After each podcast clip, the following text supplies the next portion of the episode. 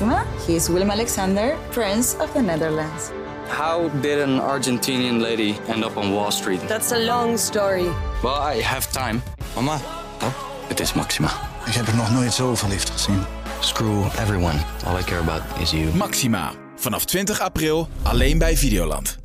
Kunnen we de bioscopen niet tot gebedshuis omdopen? Of raak ik daar gevoeligers naar? Ja, je kan ook andersom doen. Je kan ook de gebedshuizen in bioscopen veranderen. Of krijg je dan een menigte journalisten op je dak? Ja, dat kan ook. Komt eigenlijk een beetje op hetzelfde neer. Lekker origineel eh, met je Joel sokken.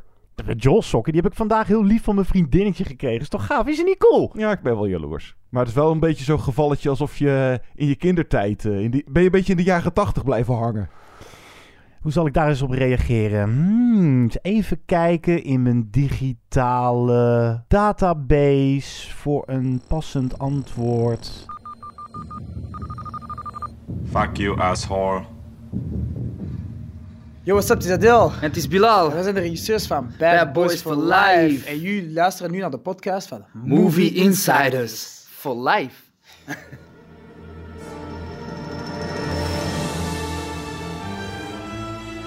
Good evening, ladies and gentlemen. We are tonight's entertainment. Movie Insiders. Why should I waste my time listening? Because I have a right to be. I have a voice. Groovy. Hallo allemaal en welkom bij de nieuwe Movie Insiders. De podcast die je wekelijks treft op het AD, maar ook op platforms als Spotify, Google Podcasts en Apple. Vind ons ook op Twitter en Facebook. Mijn naam is Guido. En mijn naam is John. Je kan ook altijd een mailtje sturen naar movieinsiderspodcast.gmail.com. Edwin die stuurde ons een mailtje. Hoi heren, vraag je, waarom zitten jullie eigenlijk niet op Instagram? Gezien ik geen Facebook of Twitter heb. Daar hadden we het vorige podcast nog over. Het is Ja. Een van de weinige dingen waar we niet op zitten. We zijn, wat, we zijn een dagje ouder ook. Voelt iemand zich geroepen die nu luistert om een gave Instagram-pagina aan elkaar te flansen en dat voor ons te beheren? Meld je vooral. Ik heb er niet zoveel zin in. Misschien moeten we er toch een keer aan geloven. Moet ook een beetje meegaan met onze tijd. We willen niet van die bejaarden worden die, eh, nou, in de jaren tachtig zijn blijven steken. Ja, zoiets ja. Eh, hij zei ook nog, eh, hoor het graag als jullie zin of tijd hebben. Verder blijft de podcast heerlijk, maar misschien iets meer filmnieuws in plaats van de top 5. Maar is mijn mening. Groetjes, Edwin. Sowieso dank voor je mailtje, Edwin. Filmnieuws, ja, als er wat bijzonders te melden is. Misschien een eerstvolgende podcast kunnen we daar eens naar kijken. Sorry Edwin, deze podcast moet je toch wel even met een top 5 doen. Typisch jaren 80. Wat zijn elementen uit dat decennium die de cinema van toen kenmerken? En nou ja, dat aan het einde van deze podcast. Maar we doen ook een van de klassiekers uit die jaren. De Terminator. De eerste van James Cameron met Arnold Schwarzenegger als de onverwoestbare cyborg. De film uit 1984. Hoe kwamen we er ook weer op? Oh ja, 1984. De tweede Wonder Woman, 1984. Door die hele corona shit moest hij uiteindelijk toch de bioscoop overslaan. Is nu dan te zien op Pathé Thuis. Hoe erg is het dat we deze dan niet in de bioscoop konden gaan zien? Nou, laten we het daar vooral over gaan hebben. Dit is Wonder Woman 1984. My life hasn't been what you probably think it has. We all have our struggles. Have you ever been in love? A long, long time ago. You? So many times. Yeah, all the time.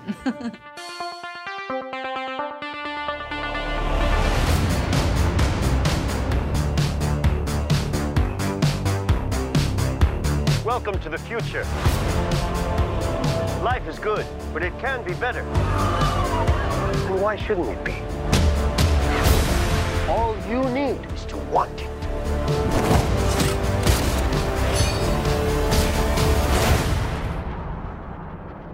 Think about finally having everything you always wanted. I can save today. But you can save the world.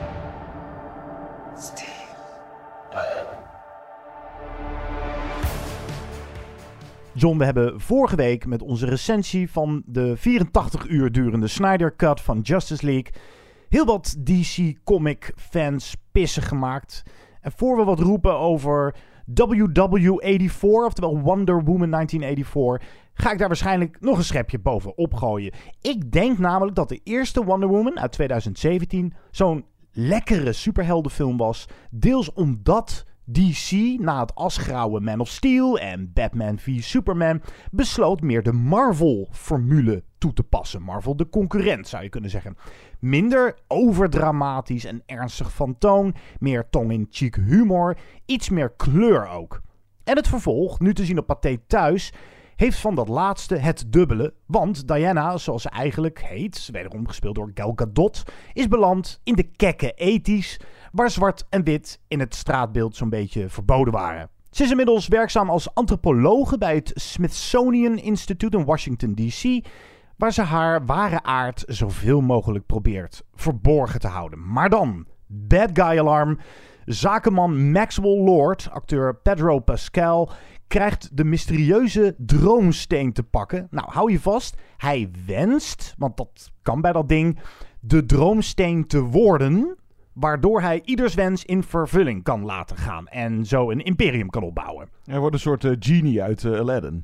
Ja, maar je kan hier oneindig veel wensen doen. Bij Genie krijg je er maar drie, geloof ik, toch?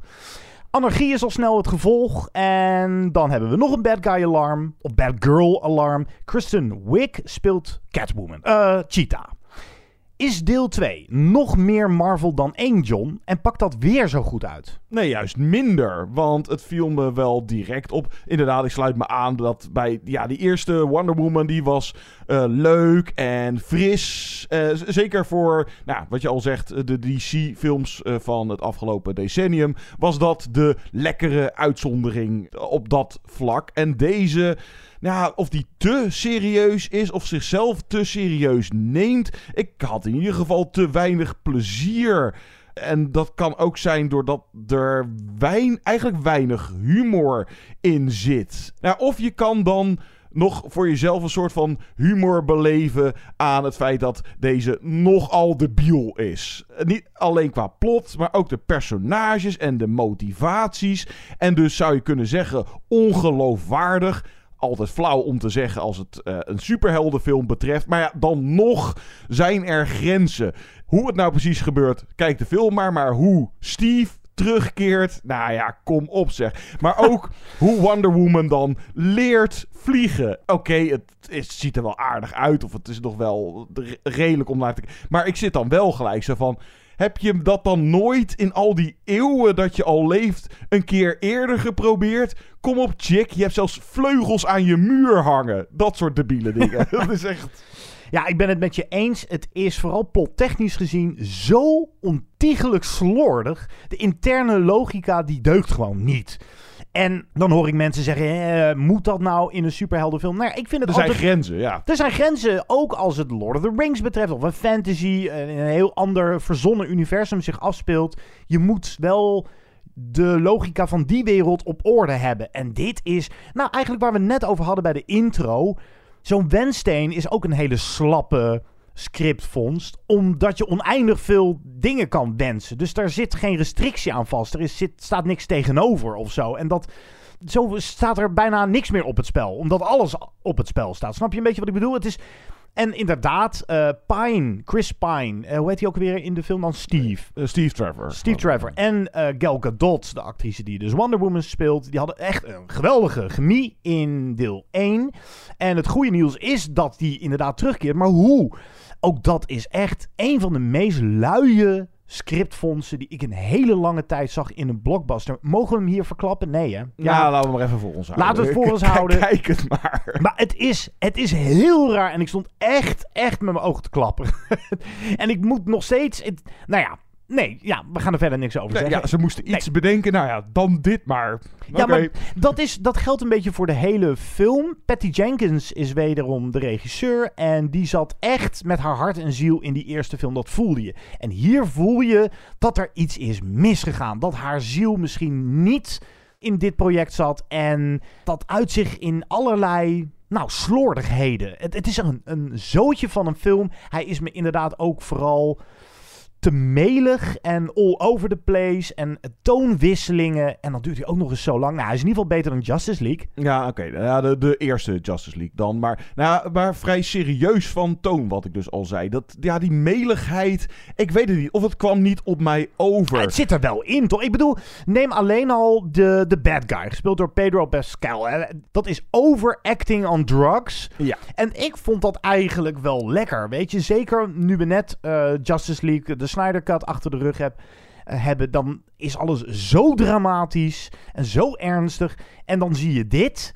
En, en dan denk je, hè, eindelijk iemand die snapt hoe je je in een superhelden, in een maffe superheldenfilm een beetje moet gedragen. Het mag best over de top zijn. En het speelt zich af in de jaren tachtig. Dus all out, prima. Maar nou, dan zit er ook nog een heel sentimenteel haakje aan met zijn zoon. Nou, dat werkt echt eerder op de lachspieren dan op de traanbuizen. Ja, je kan het niet serieus nemen. Maar ondanks dat ze, ja, de jaren tachtig, die look, een beetje of even of niet de hele film door. eh, de, nou ja, je hebt natuurlijk die kleding en dat haar en een scène in zo'n winkelcentrum. En dat is inderdaad dan echt over de top. Eh, alsof je iemand van nu... eh, hoe die denkt dat de jaren tachtig eruit zagen. Dat, dat, dat gaat ook een beetje te ver. Maar dan is het ook nog de jaren tachtig van de Koude Oorlog tussen Amerika en Rusland. En de nucleaire dreiging. En de beginnende onrust in het Midden-Oosten. En over olie. En, en dan wordt er ook nog wel een link met het nu gezocht. Je zou kunnen zeggen dat een thema wat wordt aangehaald egoïsme. Wat dan weer zorgt Hmm. voor verdeeldheid of uiteindelijk anarchie. Hè, dat je dus, nou, je kan inderdaad alles wensen, maar iedere wens die jij maakt gaat wel ten koste van. Ofwel, je moet er wel iets voor inleveren. En dat betreft dan, nou, of de waarheid of je ziel. Of, nou, zo'n Maar, maar boodschap. moet je echt wat inleveren? Want die bad guy, Nou ja, die Maxwell Lord, die gaat er wel steeds slechter uitzien. Maar iedereen kan hem verder gewoon als wenssteen gebruiken. En al die wensen komen uit. Ja, nee, maar eh, Wonder Woman, eh, nou ja. Ja, eh, spoiler? Nee, ja. nou ja, wat, dat, dat, is, ja. dat is ook zo, maar nou ja, careful what you wish for. Dat is een thema dat wel in meerdere films is ehm, geanalyseerd en behandeld. Maar hier, het is bijna kinderlijk, vond ik het ook. Ja, en dan is het dus een boodschap, als je het zo kan noemen, die wil niet echt lekker of duidelijk genoeg overkomen. Oké, hij is in ieder geval geen vier uur, eh, slechts 2,5 uur, maar hij duurt of hij voelt ook gewoon weer veel te lang. En vooral de hele aanloop. De film begint dan eerst met een kwartier de triathlon op, eh, nou ja, dat eilandje van die Amazones. Als Wonder Woman-. Ja, Maar dat eh, vond ik wel een lekkere openingssequentie. Jawel, hij duurt wel eh, lang en die kindactrice is niet echt. eh, eh, Nee, maar- En, en daar zie je ook duidelijk. De CGI is Ja. vaak matig of Nou. te duidelijk dat je zo'n greenscreen. dat ze dan aan een liaan slingert of zo. En dat zie je gewoon duidelijk van. Ja, dat komt uit de computer. Maar die lengte. Nou ja, of vooral die aanloop dat de film echt een uur nodig heeft om alle poppetjes op het bord te krijgen. Of om, de plot een beetje duidelijk eh, te hebben. En dat kan toch zoveel korter. Überhaupt dat je makkelijk een half uur uit deze film kunnen snoeien. zonder dat het echt verlies zou opleveren. Mm, Ja, maar dan hebben we het grootste probleem, wat mij betreft, nog niet eens benoemd. Er zit niet eens zo heel veel Wonder Woman in deze Wonder Woman. Er zitten eigenlijk drie plotlijnen die door elkaar lopen. We hebben het nog eh, niet gehad, dat gaan we zo doen, over Cheetah. Maar Wonder Woman zelf was natuurlijk Gal Gadot, de charismatische verschijning. Zij was waarom een groot deel van die eerste film werkte. Waarom stellen we haar niet meer centraal in die film? Ik vind het heel vreemd. Je kan je stopwatch erbij houden. Het zou mij niet verbazen als ze in, nou, misschien drie kwartier van de film, als het niet meer is eigenlijk, misschien zelfs wel een klein uurtje, dat ze is niet in beeld te zien. Ja, klopt. Hoe kan en, dat nou En je mist dan ook nog het leuke van die eerste Wonder Woman. Dat zij daar natuurlijk ook het Fish Out of Water. eh, dat speelde dan rond de Eerste Wereldoorlog. Maar zij belandt in de normale wereld. Hier wordt dan nog even tien minuutjes eh, grappend dat Steve dan dus, die weer uit de tijd van de Eerste Wereldoorlog is, nu opeens in de jaren tachtig beland. Ja, en, soort oh, van, jee, Soort rol- van. Ja, en, en, en oh, een roltrap. En nou ja, oké, het, het levert nog wel iets Heuptasje. aardigs op. Maar nee, dat wordt gewoon... Nee, sowieso voor drie personages veel te veel tijd uitgetrokken. Maar wat ik dus al zei, vooral in dat eerste uur...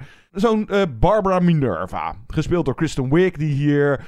Nou ja, of dat nou terecht is, zo'n Razzie-nominatie voor slechtste bijrol. Nou, ik snap dat ze, hem, eh, dat ze er genomineerd hebben. Het, is, Het zit er meer in het scenario dan Ja. dat het aan haar ligt. het ligt niet zozeer aan Kristen Wiig, maar kijk, zij transformeert van een uber-nerd naar opeens een sexy babe à la Diana Prince omdat ze nou, dat ook wenst.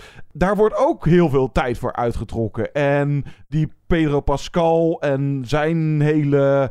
eh, ja, het is, het is eigenlijk gewoon een conman. Het is een soort van oplichter. Maar daar wordt ook veel... Terwijl ik denk van, dat is de bad guy. Dat is zijn motivatie. Bam, knallen, actie. En dat duurt hier maar en dat duurt hier maar. En ook in de loop van de film wordt er veel te veel aandacht besteed aan inderdaad die zijplots die er ook niet echt heel erg veel toe doen. Ja, en... En dan die finale. eh, Het probleem bij vooral Kristen Wiig als zij wordt dan Cheetah en dat weet je eigenlijk al vanaf het begin. Zo is de film ook in de marketing gepresenteerd. Dus dan zit je die rit echt uit. Eh, ja, word nou maar gewoon de bad girl, want dat weten we toch al. En het is ook een stokoude filmtrope. De nerdy, vergeten, uitgelachen eh, dame of man. Eh, eh, Jamie Foxx in een van de Spider-Man films. Die, Electro? Electro. ik wilde Elektra zeggen, maar dat is weer een andere superheld. Nou, Catwoman, wat ik al zei. Selina Kyle in Batman Returns, gespeeld door Michelle Pfeiffer. Dat werkt ook zo niet meer. Iemand die intelligenter is dan ze zelf denkt. En dan mag ruiken aan wat meer macht. En dat dan misbruikt. En dat levert ook een van de lelijkste gevechten op aan het eind van deze film tussen haar en Wonder Woman. Ik ben het wel trouwens echt zat aan het worden. Die gewichtloze computergevechten, actiescènes. Zelfs als ze in de echte wereld tussen aanhalingstekens, dus niet alleen maar met fantasiewezens, want dat was vooral het grote probleem met Justice League, waardoor je echt alleen nog maar naar computerdingen zit te kijken. Maar ook hier zit dan een scène op de snelweg met een enorme vrachtwagen. En ik dacht van, ah, dit kan een lekkere actiescène opleveren. Maar ook daar is het ook weer ah, zo ook, ja. slordig gedaan. Het, het is allemaal zo digitaal. En, en er zit geen gravitas in. En dan zit je gewoon naar kleurtjes te kijken. Je ziet alleen nog maar bewegingen. Maar je moet ook adrenaline voelen. Je moet een, een kick ergens van krijgen. En die zat wel in de eerste Wonder Woman. Kun je nog die geweldige actiesequentie herinneren in de loopgraven van de Eerste Wereldoorlog? Dus dat was WW1, maar WW84, ja, die, die kent zo'n scène niet hoor. Nee, en er zit eh, überhaupt niet zo heel erg veel actie in. En de actie die erin zit is nogal middelmatig. Of in ieder geval zeker niet bijzonder. Of ook niet echt lekker om naar te kijken. Ja, het is wel een kleurrijke film. Ik, als ze daar in de lucht vliegen met dat vuurwerk. Dat, is, nou, dat was voor het eerst in de film dat ik even zat zo van... Oh ja, nou, dit geeft een bepaald gevoel. Maar het voornaamste gevoel wat ik hier aan overhoud is toch teleurstelling. Nou was ik geen fan van die eerste Wonder Woman. Maar oké, dat was in ieder geval wel een verrassing. Dan is dit de teleurstelling. Het is ja, een zootje, geen eerste Justice League zootje. Maar ik moet dan denk ik toch wel zeggen dat ik toch liever Zack Snyder's Justice League denk dan dit. Oeh, echt? Nou, Ja. daar kan ik niet in meegaan hoor. Ik, dan Ja, kijk is- ik liever deze, deze wat meer Pulp, zelfbewuste pulp. Ja. Ja, nou ja. Het is een beetje kiezen tussen twee kwaden.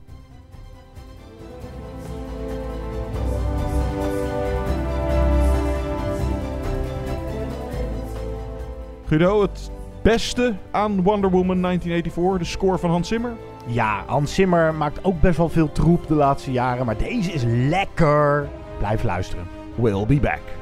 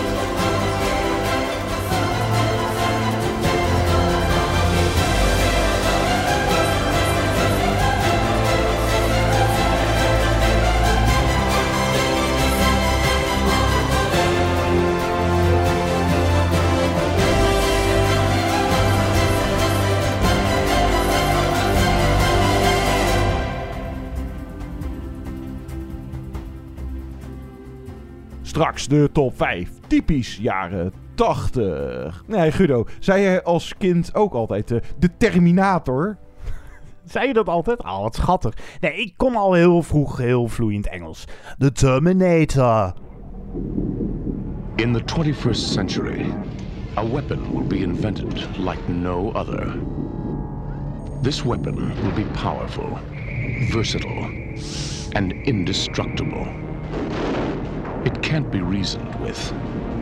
It can't be bargained with. It will feel no pity, no remorse, no pain, no fear. It will have only one purpose to return to the present and prevent the future. This weapon will be called the Terminator. Your future is in its hands. De Terminator met Arnold Schwarzenegger is een klassieker uit onze jeugd. Uh, Oké, toen hij in 1984 uitkwam waren we nog erg jong. Maar ik zag hem voor het eerst als kind eind jaren 80. Was dat misschien ook typisch iets van die tijd? Ouders die niet zo moeilijk deden over leeftijdskeuring.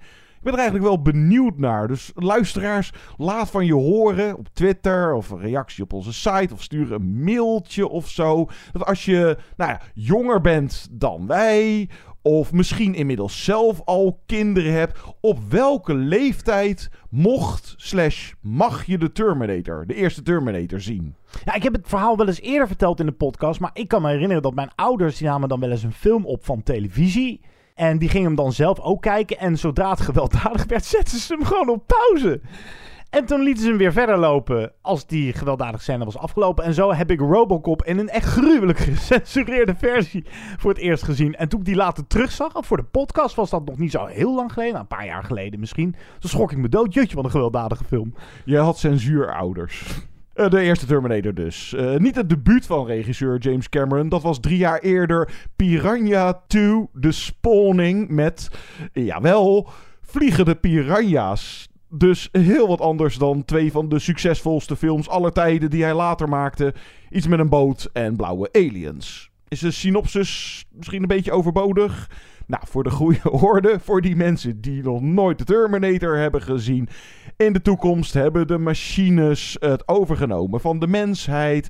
Vanuit de toekomst wordt er een cyborg, dan in de gedaante van Arnold Schwarzenegger, teruggestuurd naar 1984 om Sarah Connor, gespeeld door Linda Hamilton, te vermoorden, zodat zij haar zoon, John Connor, die later leider van het verzet wordt, niet kan krijgen. En dan wordt de soldaat, mens, Kyle Reese ook teruggestuurd naar het verleden om de Terminator te stoppen. En terwijl hij daar is, toch mooi nog even John Connor verwekken. Ik geloof dat ik er zo wel uitkom. dat, uh, netjes, netjes. Ja. Is dit trouwens ook een mooi voorbeeld van een film waar de plot echt in dienst staat van de actie?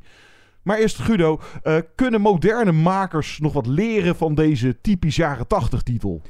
Nou ja, dat de plot misschien wel in dienst staat van de actie. Dit is zo'n heerlijke, recht op het doel af, no-nonsense actiefilm. Het heeft iets primitiefs, het heeft iets primairs.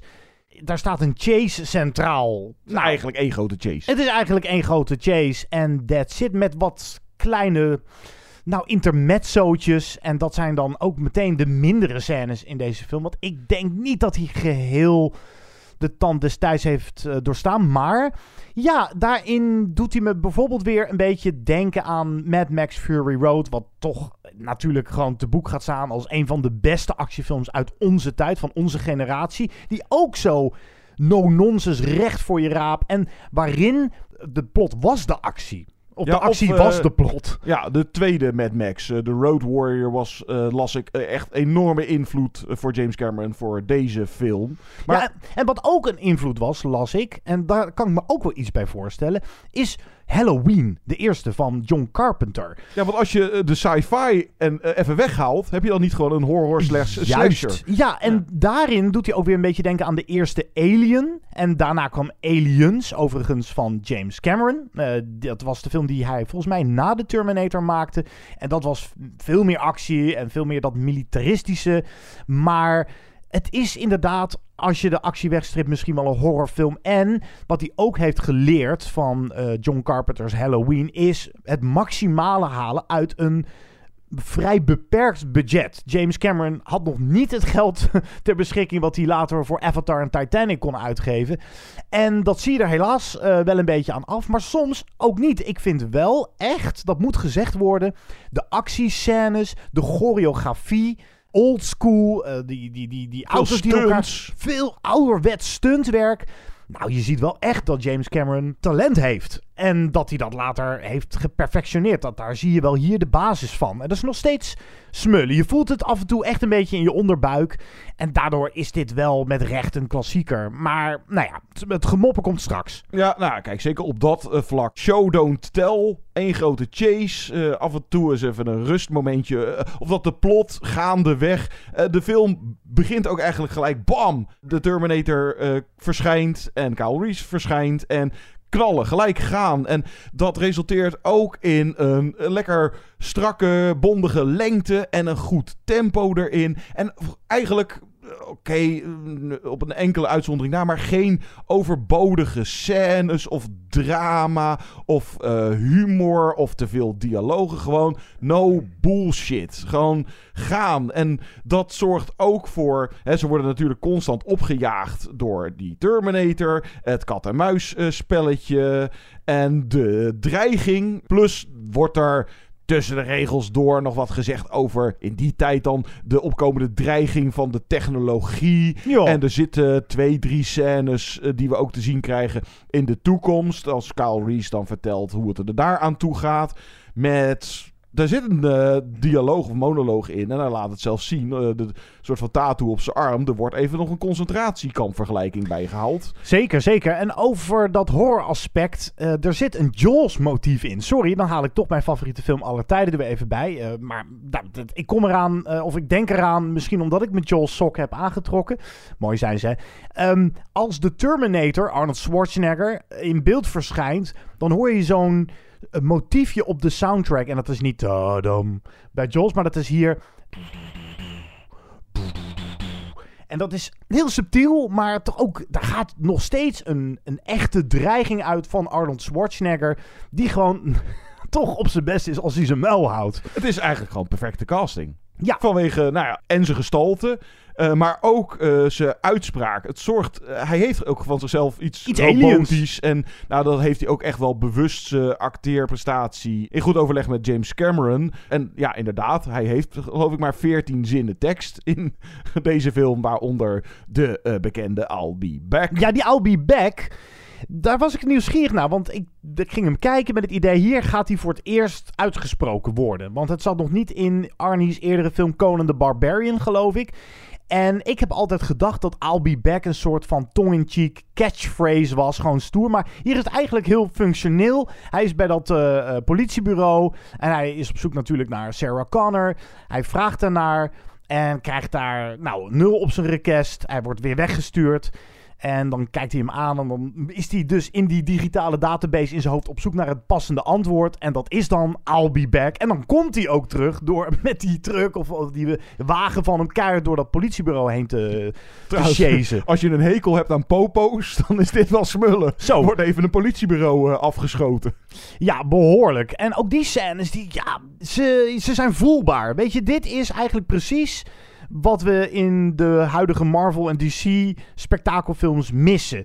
Dat is gewicht. Dat is dat een schot echt aankomt. Dat je het voelt in je kloten. Ja, en dat is waar James Cameron vooral in excelleert. In actie en uh, spektakel. Of het, technische. Wat, nou ja, eh, Avatar. Trouwens, komt deel 2 nou eindelijk volgend jaar na want die uh, vorige is ook alweer 12 jaar, uh, die eerste. Ja, 12 jaar oud, hè? Ja, het tijd gaat snel. Maar ja, kijk, de special effects. Nou, er wordt hier. Het is uit de begindagen van de CGI. De wat eerste dingetjes met de computer. Dat ziet er natuurlijk niet echt lekker uh, uit. En Stan Winston, de man van de special effects. En, nou, en ook bijvoorbeeld die make-up. laten we het houden op. Het is soms wel ook, maar het is niet perfect. Uh, nou, en dat kan ook met het budget te maken hebben. Maar dat je vooral dus in de actiescènes terugziet, dat het voornamelijk practical nog is. Dus met stunts en een explosie en, en dan inderdaad... En poppen. Ja, en poppen en, en, en gaaf gefilmd en de montage. Dus op dat vlak is het wel echt uh, nou, een trendsetter misschien ook geweest, maar ook gewoon een goede gaaf gemaakte, strakke actiefilm. Dat is waar James Cameron... Hij moet het eh, misschien inderdaad niet van zijn dialogen hebben. En de acteerprestaties, nou ja, Arnie is inderdaad dus perfect als Terminator. Zo'n Linda Hamilton en Michael Bean. Het waren al geen sterren. Het zijn ook nooit echt sterren geworden. Wat hebben ze later nou? En Sarah, Sarah ja. Ze is een beetje zo'n zo'n jaren tachtig miep. Uh, op zich, nou ja, uh, hoewel het ook wel beperkt is, maar ze maakt natuurlijk, zeker aan het einde van deze film, de transformatie naar de sterke vrouw die je dan vooral in Terminator Nou, 2... die discussie wilde ik eigenlijk nog voeren, want ja. dat, dat is wel een interessante. Zien we hier een naïeve doos, ik zeg het even heel oneerbiedig, die langzaam het toffe koekje wordt, zoals we haar kennen uit de latere Terminator films. Echt een, nou, een bitch waar je rekening mee moet houden.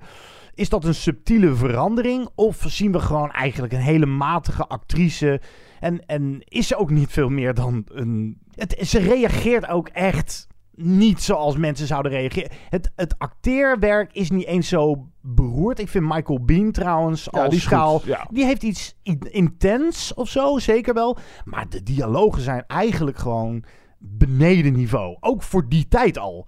En dat resulteert onder meer in echt een ontzettend slechte seksscène. Die ook Die- wordt begeleid ja. door een ethisch muziekje. Nou, dat is zo gedateerd. Dat is, ik moest er echt om lachen. De romance. Ja, nee, dat is echt zonde. En ze hebben dan een tête-à-tête, of nou, dat is meer een gevecht. Ze hebben meer een, een, eh, een, een onderrondje bij nou, een van de rioolpijp of zo, weet ik veel. Ze, ze verstoppen zich ergens. En dan vertelt hij over de toekomst en over haar. En dat is gewoon eigenlijk gewoon echt John tenenkrommend slecht. Come on, do I look like the mother of the future? I mean, am I tough? Organized? I can't even balance my checkbook. Look, Reese, I didn't ask for this honor, and I don't want it. Any of it. Your son gave me a message to give to you, made me memorize it. Thank you, Sarah, for your courage through the dark years. I can't help you with what you must soon face except to say that the future is not set. You must be stronger than you imagine you can be. You must survive, or I will never exist. That's all. It's a good field dressing. You like it? It's my first. Het zijn ja, dat zijn de scènes waar de film het absoluut niet van moet hebben. Nee, het is echt bijna eh, proesten in je vuistje, vond ik hoor. En dat is jammer.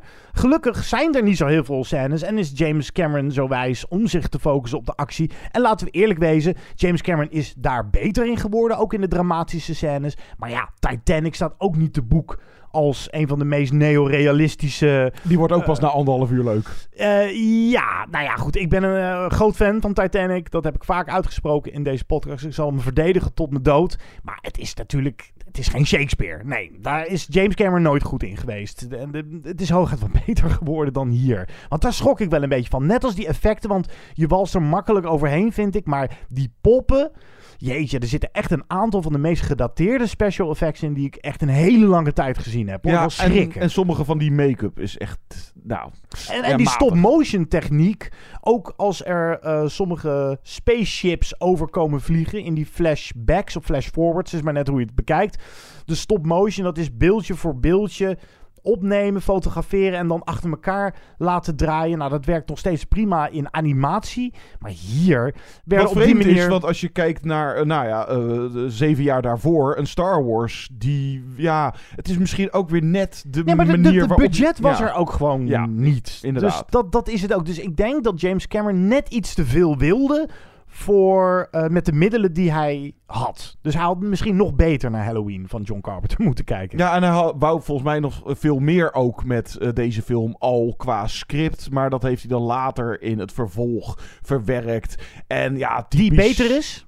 Uh, ja. Ik vind van wel. Ja, of in ieder geval lekkerder. Nou ja, ik vind hem in alle opzichten, ook in dramatisch opzicht, vind ik twee echt veel beter. Ja, ja het zijn andere films. Het, het, principe van Alien en Aliens van Cameron zelf dus uh, vergelijken. En ja, typisch jaren tachtig zie je hier zeker terug in uh, de kleding en dat, dat haar van Linda Hamilton. En kijk, op zich, hè, Cameron had een goed idee en een beperkt budget en dan heeft dat uiteindelijk toch wel geresulteerd in echt zo'n actie-sci-fi jaren 80 klassieker. Nou ja, het legt toch de basis voor uh, toekomstige actiefilms. Dus daarin is het zeker geslaagd.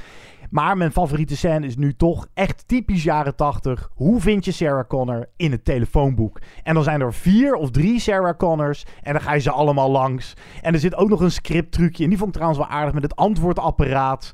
Dat hij op die manier erachter komt waar uh, Sarah Connor verblijft. Dus uh, ja, het is, het is gedateerd. Soms op een leuke manier. Helaas toch ook wel op een, uh, ja, een, een minder bedoelde en een beetje lachwekkende manier.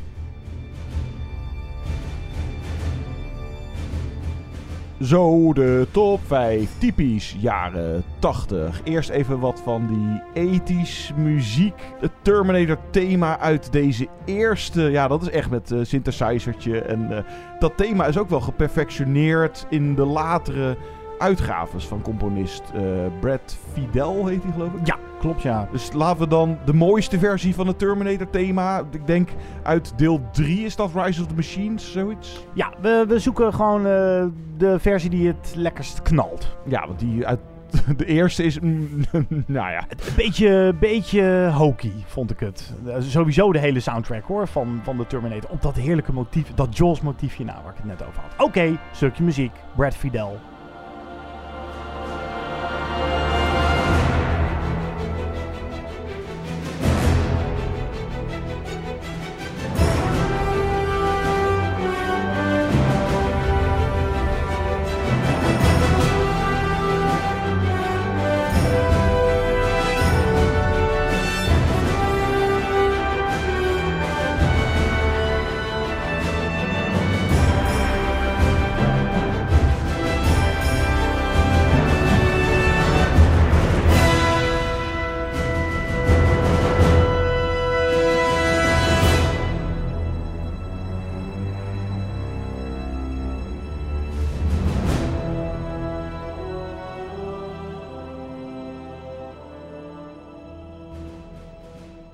Nou John, tijd voor de top 5. Typisch jaren 80. Naar aanleiding van Wonder Woman 1984 en The Terminator uit 84.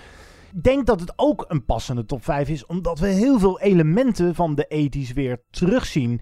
We hadden tijdens onze recensie van Wonder Woman over dat er een beetje nou, de, de, de ethisch worden tegenwoordig, als dat wordt nagebootst, dat, dat, gebeurt bijna op een overdreven manier, als een soort van pastiche. Een beetje verheerlijken.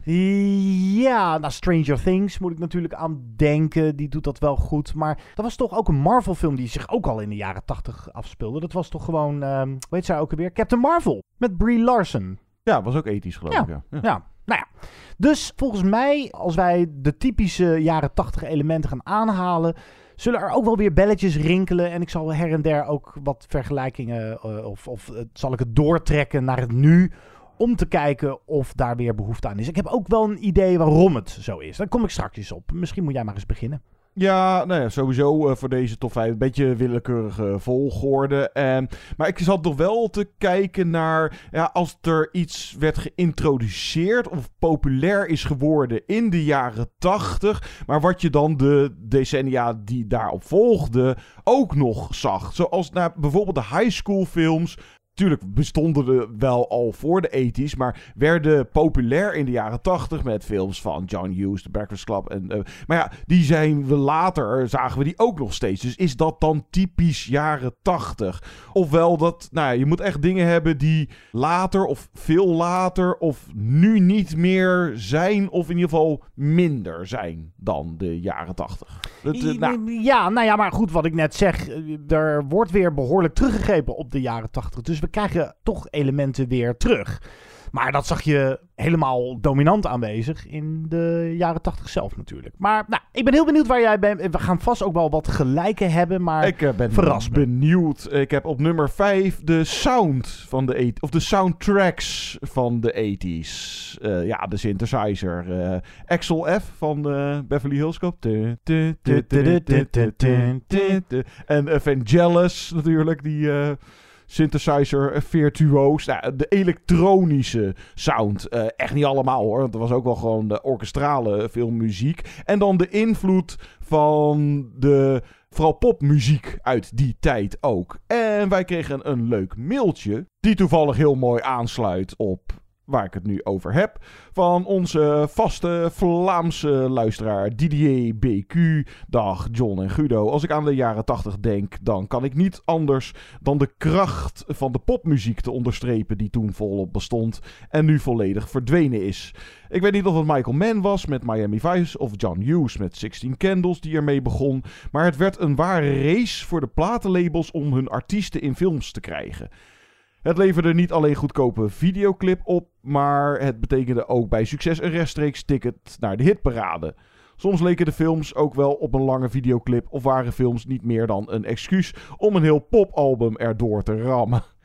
Of de macht van een titelsong. Zou er iemand Against All Odds van Taylor Hackford gekend hebben zonder de Phil Collins titeltrack?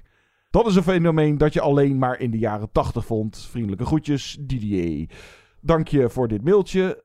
Het sluit inderdaad aan op ja, waar ik het over heb. En inderdaad, die titelsongs. eh, je had niet alleen dat de film dan populair was, dan was het nummer ook nog eens populair. Roep even Dirty Dancing of eh, dat gave nummer van de Breakfast Club of de titelsong van Ghostbusters. En nou ja, Mad- Madonna, dat is ook echt... Ja, nou, Chef was de 70s. Oh, dat waren, ja, ja, maar het 70s. begon misschien al een beetje in de jaren 70. Jawel, eh, ja, maar zo heb je wel meer dingen die begonnen waren in de 70s, maar eigenlijk echt ja, populair werden in de 80s. Maar ja, echt, echt zo'n naam uit de jaren 80. Tuurlijk later deze ook nog wel dingen, maar Madonna. En die zat ook in films als, geloof, Who's That Girl of zo. En daar kwamen dan dat en dat liedje kwamen eruit. Maar echt de jaren 80 sound. Ja, ik wil er ook nog over zeggen, want eh, dat is echt een typische ethisch film. Dat zou je nu denk ik niet meer zo snel zien. Maar je had gewoon een veredelde muziekclip. eh, die film van Prince, Purple Rain. Oh ja, ja. Hele gekke film. Het is eigenlijk gewoon... Moonraker van eh Michael- Moonraker. Ja. Oh ja, zeg, met Michael Jackson. Ja, dat klopt. Het, de popsterren, de top 40 werd gevuld met soundtracks ook toen. Ja, en, en films waren een etalage voor artiesten. Oké, ik begin met, voor mijn nummer 5, de clichés die je toen zag in de romantische films. En dit zijn ook elementen die weer een beetje terugkeren, maar die je heel veel zag in de jaren 80. Je hebt allereerst natuurlijk opposites attract, tegenpolen die verliefd worden. Soms in films eh, ook echt dat ze elkaar in eerste instantie haten. En dat je dan als kijker al weet, ja maar let maar op. Die twee die gaan aan het einde samenkomen. Dus echt totale tegenpolen van elkaar. Of beste vrienden van elkaar. Eh, When Harry Met Sally is natuurlijk een heel bekend voorbeeld. De meest vriendelijke, iets wat meer normale dude eindigt met het meisje. Want dat is ook wel echt het cliché waar je ook niet, dat zie je minder tegenwoordig, dat wel. Dat de dames vallen eerst op de bad guys. En, en dan later komt meer het relatiemateriaal om de hoek kijken.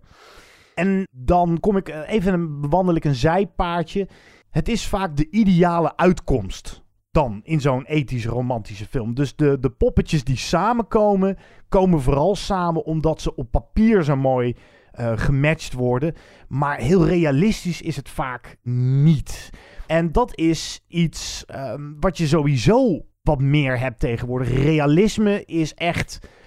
Je moet het eh, bijna in de echte wereld één op één kunnen overzetten. Wil je nog met een, eh, met een verhaal wegkomen tegenwoordig? Of het moet zich echt afspelen in een heel ander universum. En echt het fantasy eh, genre of zo. Maar dan nog zie je dat realisme is nu het toverwoord. En dat was in de ethisch totaal niet aan de orde. Sterker nog, ik denk dat het woord escapisme toen ook veel meer gold. Weet je, dat je naar de film ging of naar de bioscoop ging om er echt even uit te zijn en juist ver weg te blijven van de realiteit. Dus die romantische films zeker, die gaven geen eh, heel goed natuurlijk getrouw beeld van hoe de liefde echt werd gevierd of wordt gevierd. Niet realisme, ja. Dat was typisch jaren 80. Maar de jaren 80, mijn nummer 4, ja, toch echt ook wel origineel. Originaliteit. Of laat ik zeggen, relatief weinig reciproes. Remakes, sequels, prequels.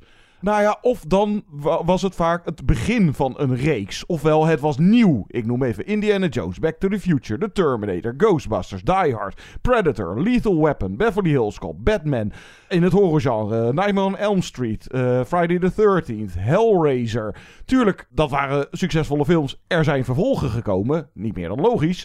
Maar het waren wel originele ideeën die ontstonden in de jaren 80. Dus die toen voor het eerst te zien waren. En dat viel mij ook op.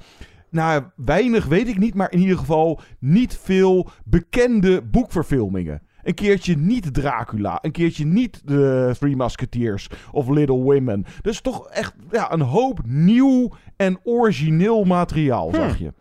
Interessant, dat is waar. De, nou, iets zegt eigenlijk. En, en sterker nog, je ziet nu heel veel vervolgdelen, zoveel jaar later, van een film uit de jaren 80. Ja, of remakes van. Ja, hoeveel remakes, vooral het afgelopen decennium, hoeveel remakes van jaren 80 films zijn er gemaakt? Dat zijn er echt. Volgens mij is alles uit de jaren 80 wat populair was, de afgelopen nou, 20 jaar geremaked. En is dat dan ideeënarmoede tegenwoordig? Of is het gewoon. ehm, is, er, is er gewoon een ander economisch model ontstaan. waardoor mensen het risico niet durven lopen om iets nieuws en iets origineels te lanceren. en dan maar leunen op iets wat we al kennen? Ja, in de hoop dat je dan sowieso een x bedrag binnenhaalt. Want dat idee heb ik er ook wel eens bij. Dat het ook. Het is natuurlijk ook een commerciële gedachte. We kennen eh, de franchise al. Eh, er komt straks ook een nieuwe Beverly Hills Cop eh, met Eddie Murphy. We hebben net het vervolg Coming to America gehad bijvoorbeeld. Nou ja, dat kennen we al. Dus is het, ja, clickbait. Kun je beter zeggen tegenwoordig. Ofwel, mijn nummer 4, jaren 80, was geen ideeënarmoede.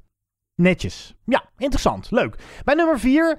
Ik ga een beetje door op eh, wat ik zei in mijn nummer 5. Dat waren de clichés in de romantische films. Maar wat je ook had. En het, speelt ook een beetje in. Of het, eh, het gaat een beetje verder waar jij eh, het over had. Met de muzikale de soundtracks. En dat het een lanceerplatform was. Of een extra promo. etalage. Een window voor artiesten. Dat is spontaan dansen en onbezorgde lol. Dat is mijn, mijn nummer 4 echt heel veel muziekfilms ook. Dus niet alleen... En niet zozeer musicals. Dat... Nee, maar ik heb het over inderdaad Flashdance en Dirty Dancing en Fame en Footloose. Maar wat je tegenwoordig ook niet meer ziet, en dat vind ik ook echt typisch jaren 80, neem een film als Ferris Bueller's Day Off. Daarin gaat ineens iedereen dansen, spontaan, halverwege. Het is een van de leukste scènes. En dat, daarom zei ik, het grijpt een beetje terug op mijn nummer 5, want dat is de onbezorgde lol. Tegenwoordig moet alles realistisch zijn, dus het, het, het kan niet meer. Maar nou ja, in, in La La Land hadden we weer, maar dat is meer een beetje een musical idee. En het speelde ook met de vorm van de musical, maar echt gewoon dansen en uitbundig eh, lol hebben. En de Blues Brothers. Dat is ook wel een mooi voorbeeld. ook zo'n typisch jaren 80. Ook ja. zo'n typisch jaren 80, de onschuld. Mensen zijn niet bezig met de dreiging van buitenaf. Of, of het moeten aliens zijn. Of uh, ze zijn niet bezig met politiek. En het zijn ook uh, vooral tieners. Die dan in hun eigen fantasiewereld kruipen. Of waarin we hun fantasiewereld. Dat de kijker de fantasiewereld geprojecteerd krijgt. In The Last Starfighter bijvoorbeeld. Op de Goonies. Wat dacht je daarvan? Ik denk dat we uh, met zoiets als Stranger Things, die serie op Netflix tegenwoordig, teruggrijpen ook naar die toon als een soort tegenreactie van, of op het cynisme van nu. Ik denk dat, dat dat misschien ook wel een verklaring is waarom we de ethisch ineens weer allemaal zo hoog in het vaandel dragen. Ja, dat is een goede. Mijn nummer drie. Andere acteurs of sterren of de ja, opkomst van de, zeg even, B-acteurs of je zou het kunnen zeggen als acteertalent wat ondergeschikt was aan uiterlijk of aan een andere kunde. Zoals Hmm. dus de opkomst van de spierbundels. Eh, Arnie, eh, Sylvester Stallone, eh, Jean-Claude Van Damme. En dan dus nou, artiesten als Madonna. En veel ook amateurs. Of in ieder geval niet de gevestigde sterren of de gevestigde acteurs en actrices als een Meryl Streep. Maar meer, nou gewoon poppetjes in je film. Uh, het is, uh, je hebt een leuk idee. Nou, dan heb je niet zozeer sterren of echt talent voor nodig. Nou ja, je zag het dus zelfs ook bijvoorbeeld in de eerste Terminator. Zo'n Linda Hamilton. Nou ja, James Cameron in de, oh. in de veronderstelling was dat dat uh, nou ja, een goede acteur. Maar ja, maar vooral in de horror en in de actiefilms. En het deed er niet zo heel erg veel toe of je wel of niet goed kon acteren. Het was meer gewoon de verschijning. Een Arnold Schwarzenegger. En daar kunnen we wat mee, want die kan lekker uh, hard knokken. En nou, ja, dat dus. Dus dat charisma en uitstraling misschien belangrijker is dan echt acteertalent of zo. Ja, nee, natuurlijk waren de, of de gevestigde... Nou, het was vooral denk ik ook een kwestie dat de oudere generatie gevestigde acteurs van het oude Hollywood, die waren inmiddels allemaal een beetje of met pensioen of inmiddels overleden. Toen is er in de jaren 70 een nieuwe generatie gekomen met nou, een Al Pacino en een De Niro en een Meryl Streep. En tuurlijk speelde die ook wel in uh, films in de jaren... Maar ik heb altijd het idee bij de jaren 80, dat waren nou niet de films die, uh, of in ieder geval de films die dan inzetten op het goede acteerwerk, ja. waren niet degene die de bioscopen overheersten. Het waren gewoon. Het, ja, wie de fuck is dat nou weer? Nee, je kijkt het voor het escapisme bijvoorbeeld. Ja, ja hmm, interessant. Mijn nummer drie is, eh, of noem ik, geweld zonder vraagtekens. Je kan in de jaren 80, niet bij alle films, dat weet ik wel, maar eh, toch wel in heel veel titels. Je kan alles en iedereen neermaaien zonder consequenties. Of althans, de film bevraagt de morele kanten ervan niet. Nou, wat komt er dan in, je op Predator en Commando? Vooral Commando, dat vind ik echt zo'n zo'n jaren 80 actiefilm. Dat, nou, je hebt nu John Wick. Ook dat grijpt daar weer een beetje naar terug. Dat je bijna kijkt voor het geweld. En dat geweld bijna wordt verheerlijkt. Maar het is zo overdreven, uh, ja, cartoonesk bijna. Dat Rambo. Je geen, ja, Rambo, Rambo zeker. Uh, Lethal Weapon toch ook wel. Uh, dat is dan een, een politiefilm. Een cop movie. Maar ook daar, mensenlevens... Um, deden er niet zo deden er... Collateral damage, ja. En je ziet het ook, dat vind ik altijd leuk als we het hebben over, of we, bespreken of analyseren een tijdperk, ga ik ook altijd gelijk in mijn hoofd denken aan James Bond. Want hoe was James Bond dan in die tijd? Nou ja, neem bijvoorbeeld License to Kill uit 1989. Dat is echt een van de meest bikkelharde 007-episodes uit de hele franchise. Volgens mij is dat de meest brute Bond. Zo, echt niet te geloven. En waar ik dan ook even aan moest denken. Um, ik zag gisteravond een aflevering van een documentaire serie op Netflix. Trial by Media heet dat. En dat gaat over nou, rechtszaken of, of, of moordzaken. En dat de uitkomst um, behoorlijk is beïnvloed door de rol van de, die de media spelen. En die ging dan over de Subway Vigilante. Heb je daar wel eens uh, van gehoord? Van gehoord. Ja. In de jaren tachtig was er een keer eens een mannetje. Uh, uh, Bernard Getz heette die. En die zat in de metro. En daar kwamen vier zwarte jonge mannen op hem af. En hij voelde zich bedreigd. En had een pistool op zak. En schoot ze dood. En hij werd toen gezien als een soort van Robin Hood.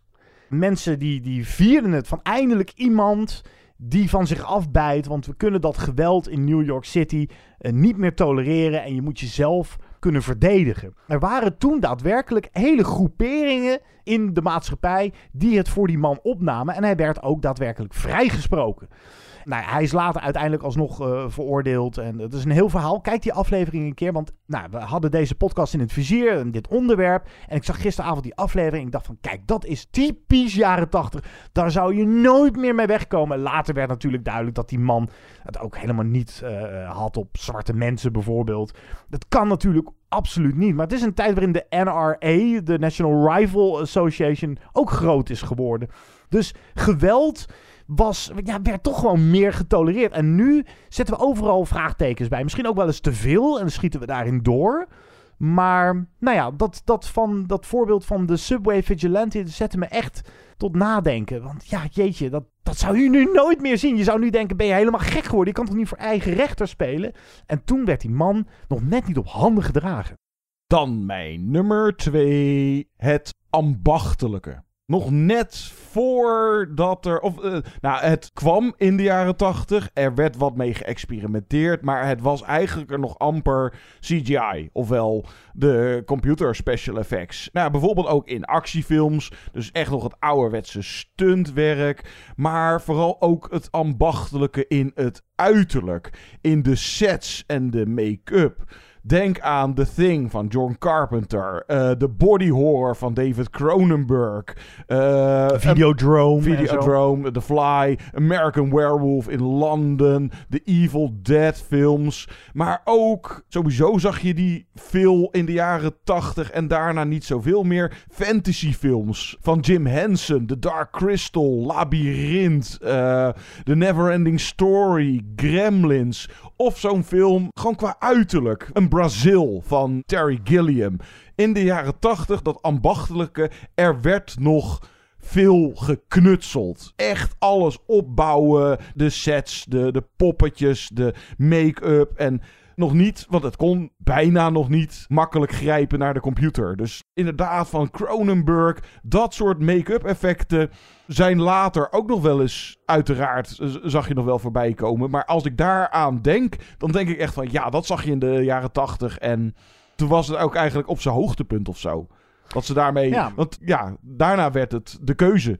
Van gaan we heel veel moeite doen en manuren en knutselen en ambachtelijk. Peperduur. Of- ja, peperduur. Of denken we, nou, dat toveren we wel even uit de computer. Ja, het maakt films er vaak niet beter op. Nee, zeker niet. Nee, zeker niet. Nee, ik, ik grijp altijd terug naar het voorbeeld van Yoda en Star Wars. Ik heb liever een pop en dat je heel duidelijk een pop ziet, dan dat je een digitaal poppetje ziet lopen. Nu zijn de digitale effecten wel verbeterd, maar nou, waar we het in Wonder Woman eh, bij de recensie over hadden, het, het, het komt toch niet aan bij je of zo. Mijn nummer twee, ja, hier kan je echt niet onderuit. De montage. De jaren We need a 80 montage. montage. Ja, die, daar moeten we zo even een stukje van draaien, want die is perfect. Het vat eigenlijk perfect ook samen wat een montage is. Wat is een montage? Want je kan niet echt spreken van een montage of zo. Dat, het- het is niet heel goed ehm, te vertalen in het Nederlands. Maar goed, het is in een korte tijd in een film, vaak ergens halverwege, een paar tijdsprongen maken en zo op een speelse manier eh, een hoop tusseninformatie geven die voor de plot niet zo belangrijk zijn. Dat is een beetje wat ik had gedaan. En eigenlijk heb je dan een soort van en toen en toen dit en toen dat en oh ja, toen gingen ze ook nog even zo, hebben we dat gehad en dan gaan we nu verder met het verhaal. En dan een kek eh, jaren 80 muziek Juist, daar moest dan een lekker muziekje onder.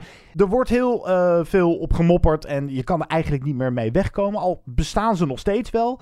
Maar je kan ook zeggen, het is heel filmisch. Het is een heel filmisch stijlmiddel. Maar het is ook een zwaktebod, natuurlijk. Ehm, ik noem er even een paar. Eh, de Karate Kid heeft een geweldige Rocky 3 en 4, moet ik dan noemen. Die zijn echt uit de jaren 80. Top Gun, eh, Commando eerder genoemd, Footloose.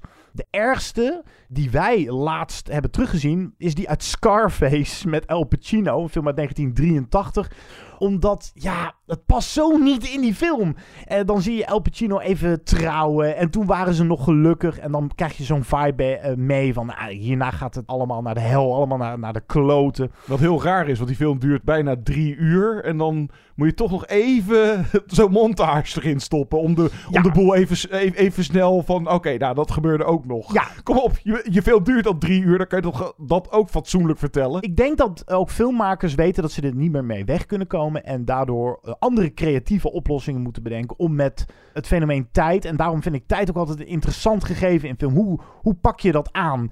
Hoe voel je als kijker van we zijn nu een week verder of een jaar verder? En dat hoeft niet altijd met een montage of letterlijk in beeld met een tekstje van een jaar later. Maar goed, inderdaad, je, je refereerde er al naar. Wat een montage is, werd geniaal samengevat door de creatieve geesten achter South Park in Team America World Police.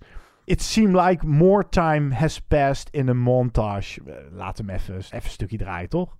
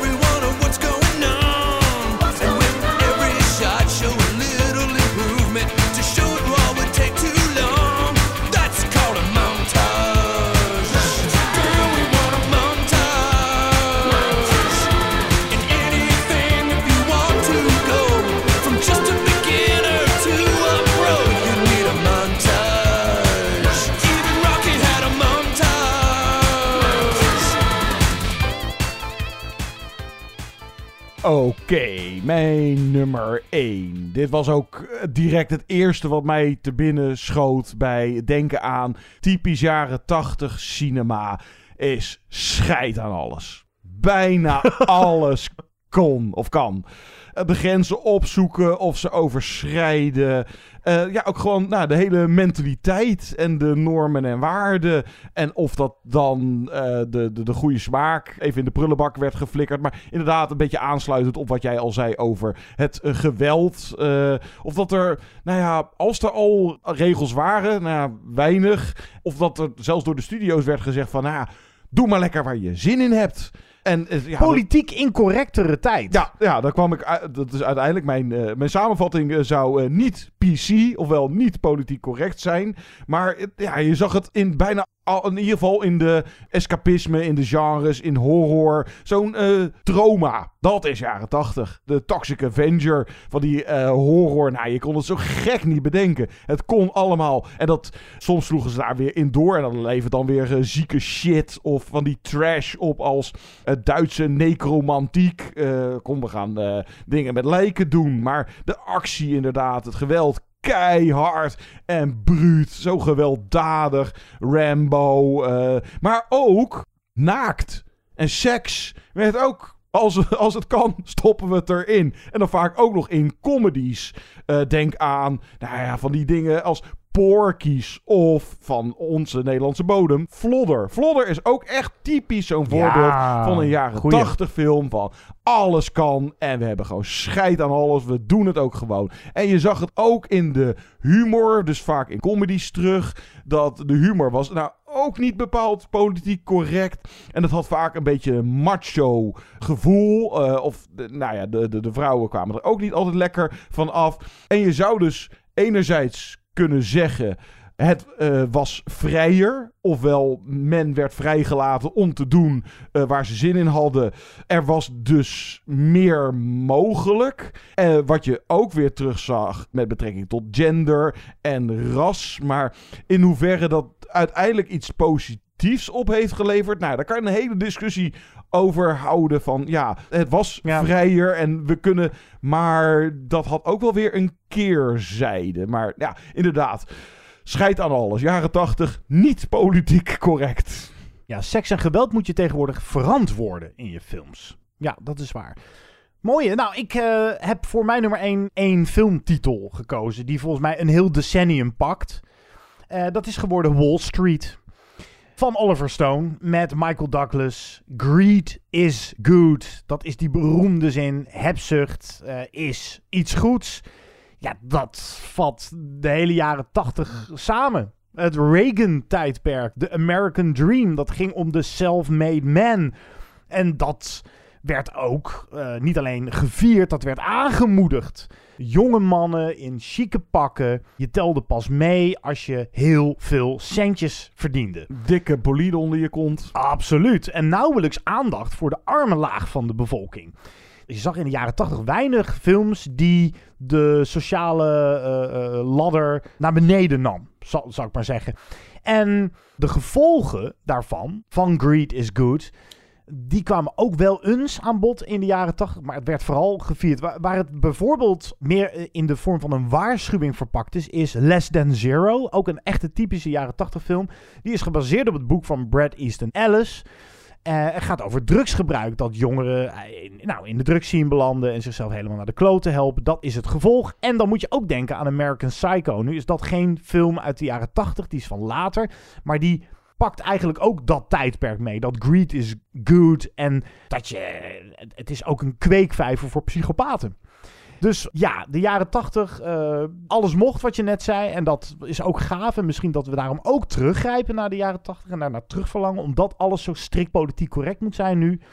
Maar Wall Street eh, vangt mooi samen over eh, of, of wat het decennium ook. Ja, toch minder goede kanten. Ja, laten we de had. jaren 80 En- hier nou niet gaan zitten vieren. Nee, nee, nee, nee, nee, zeker niet. Zeker we niet. waren kinderen, we hebben er weinig van meegekregen. Wij eh, konden nog lekker buiten spelen. Het mobiel nou, bestond maar niet echt. En dan was het, eh, als je niet thuis was, dan was je gewoon niet bereikbaar. Klaar, punt. Ja, of je zat achter je Atari. Ja, ja, of in je Nintendo, je Ja, NES. Dat is de, de NES. Ja, eervolle vermelding. Nou, ik vond wel heel wat de, die eh, keuze waar ik ben. eh, ja, ik zat te denken in het uiterlijk, de look. En dan kwam ik uit, maar die heb ik, eh, dat vond ik ook niet echt heel erg boeiend. Ja, dan kom je op technisch vlak uit en de beeldkwaliteit. Dat je, of ja, dat zal te maken hebben met de apparatuur was, of de camera's waren weer anders. De films uit de jaren 80 zagen er beeldtechnisch weer anders uit dan de kleurenfilms van de jaren 60, 70. Het eh, is niet echt heel erg boeiend, tenzij je daar geil van wordt, maar... Ik uh, nog met The Breakfast Club. Dat is voor mij eigenlijk altijd een beetje de ultieme jaren 80 film geweest in positieve zin. Ook omdat John Hughes, de maker daarvan, tieners echt serieus nam. Nou ja, als je The Breakfast Club nooit gezien hebt. Het is een en je zit in een tijdscapsule. En het is ook een film om terug te komen op jouw vraag die jij stelde bij de Terminator. Kunnen we nog wat leren van die film uit de jaren 80 nu? Volgens mij kunnen we van The Breakfast Club als tienerfilm echt nog steeds heel veel leren. Ja, maar wat ik dus aan het begin van deze top 5 al zei, is dat was ook een trendsetter. Dus de daaropvolgende decennia zag je ook echt Ja, nog wel waar. Meer van dat. Tot zover deze aflevering van Movie Insiders. Wat wij de volgende week gaan doen. Laat van je horen, de bioscopen zijn nog steeds dicht. En die blijven voorlopig nog even dicht. Dus we zijn aangewezen op de streamingplatforms. Maar misschien wil je wel een gave klassieker besproken hebben. Of een onderwerp. Ja, iets van een onderwerp. Dat zat ik ook wel te denken. Jee of nee, proberen we nog steeds in een soort van nieuwe vorm om te dopen. Kom met een gave jee of nee stelling. Ofwel gewoon een stelling waar wij dan A, jee of nee op kunnen antwoorden. En waar we nog even bij stil kunnen staan. Ja. ja, kom met een gave suggestie. Laat bijvoorbeeld van je horen op onze site movieinsiders.nl kan je reactie geven. Je kan wat zeggen op Facebook zitten wij. Twitter, at movieinsight. Of dus een mailtje sturen, movieinsiderspodcast at gmail.com. Ja, vind verder deze podcast natuurlijk op het AD. Wekelijks zijn we er elke donderdag. En elke laatste zondag van de maand maakt Koen Haver, vriend van de show, een filmmuziek special. En hij heeft laatst een hele mooie gemaakt over de soundtracks van Philip Glass samen met de Nederlandse harpiste Lavinia Meijer. Dat is een hele mooie aflevering geworden. Mocht je die nog niet hebben geluisterd, zeker doen. En we zijn ook te vinden op Spotify, Apple Podcasts en Google Podcasts. Wij gaan eruit met iets typisch jaren 80. Wat belichaamt muzikaal de jaren 80? Nou, je hebt, je hebt, hem, je hebt hem al weggegeven, John. Ja, Kop Axel. F. Axel F. uit Beverly Hills Cop. Hoe heet die componist ook alweer? Harold Faltermeyer of zoiets? Nooit meer wat van gehoord? Nee. Ja, dit kent iedereen. En dan die, dan die versie uit Family Guy gaan doen. Oh, die ken ik dan weer Ah, niet. Ah, de Uitera- jaren 80. Uiteraard eh, wordt dat in Family Guy wel eens aangehaald. Maar ja, eh, kan het meer jaren 80 dan dit uit Beverly Hills Cop. Tot de volgende keer. Tot volgende week.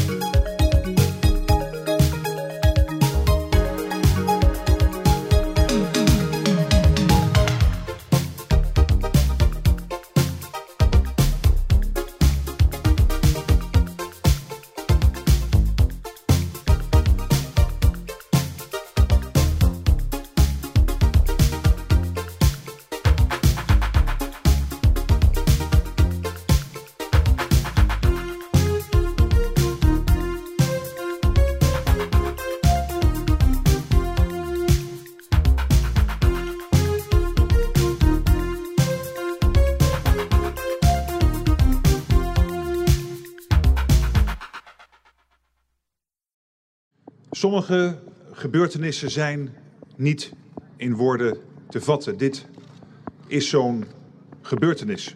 Het was een pikzwarte dag. Ik was hier toen nog voor, voordat de linten er waren, was ik hier. En ik heb op weg hierheen heb ik mijn ouders gebeld. Die gaan ook altijd op zaterdag boodschappen doen in de Ridderhof. En vlak bij het politiebureau heb ik de auto neergepakt, want verder kon ik al niet meer. Het was één grote sirenezee op dat moment al. Dit zijn Carla en Marco, verslaggevers bij het AD. Samen gaan ze terug naar winkelcentrum De Ridderhof in Alphen aan de Rijn. En proberen ze tien jaar later te begrijpen wat er gebeurd is. Nou, je kijkt naar links toe en je ziet gewoon uh, twee mensen op de grond liggen, beweegloos. Dan, daarna zie je een jongeman uh, ja, op je afkomen met een mitrailleur. Wat was Tristan voor jongen? Hoe groeide hij op? En wat dreef hem tot zijn daad? Precies tien jaar na die pikzwarte dag proberen Carla en Marco de puzzel te leggen. Dan zie je ook dat de pagina's die we eigenlijk besteden aan wat er slecht is, wat er mis is gegaan, is op een gegeven moment langer dan wat er goed is gegaan. Veel meer. De podcast Wat dreef Tristan is nu te beluisteren via je favoriete podcast-app en via ad.nl/podcast.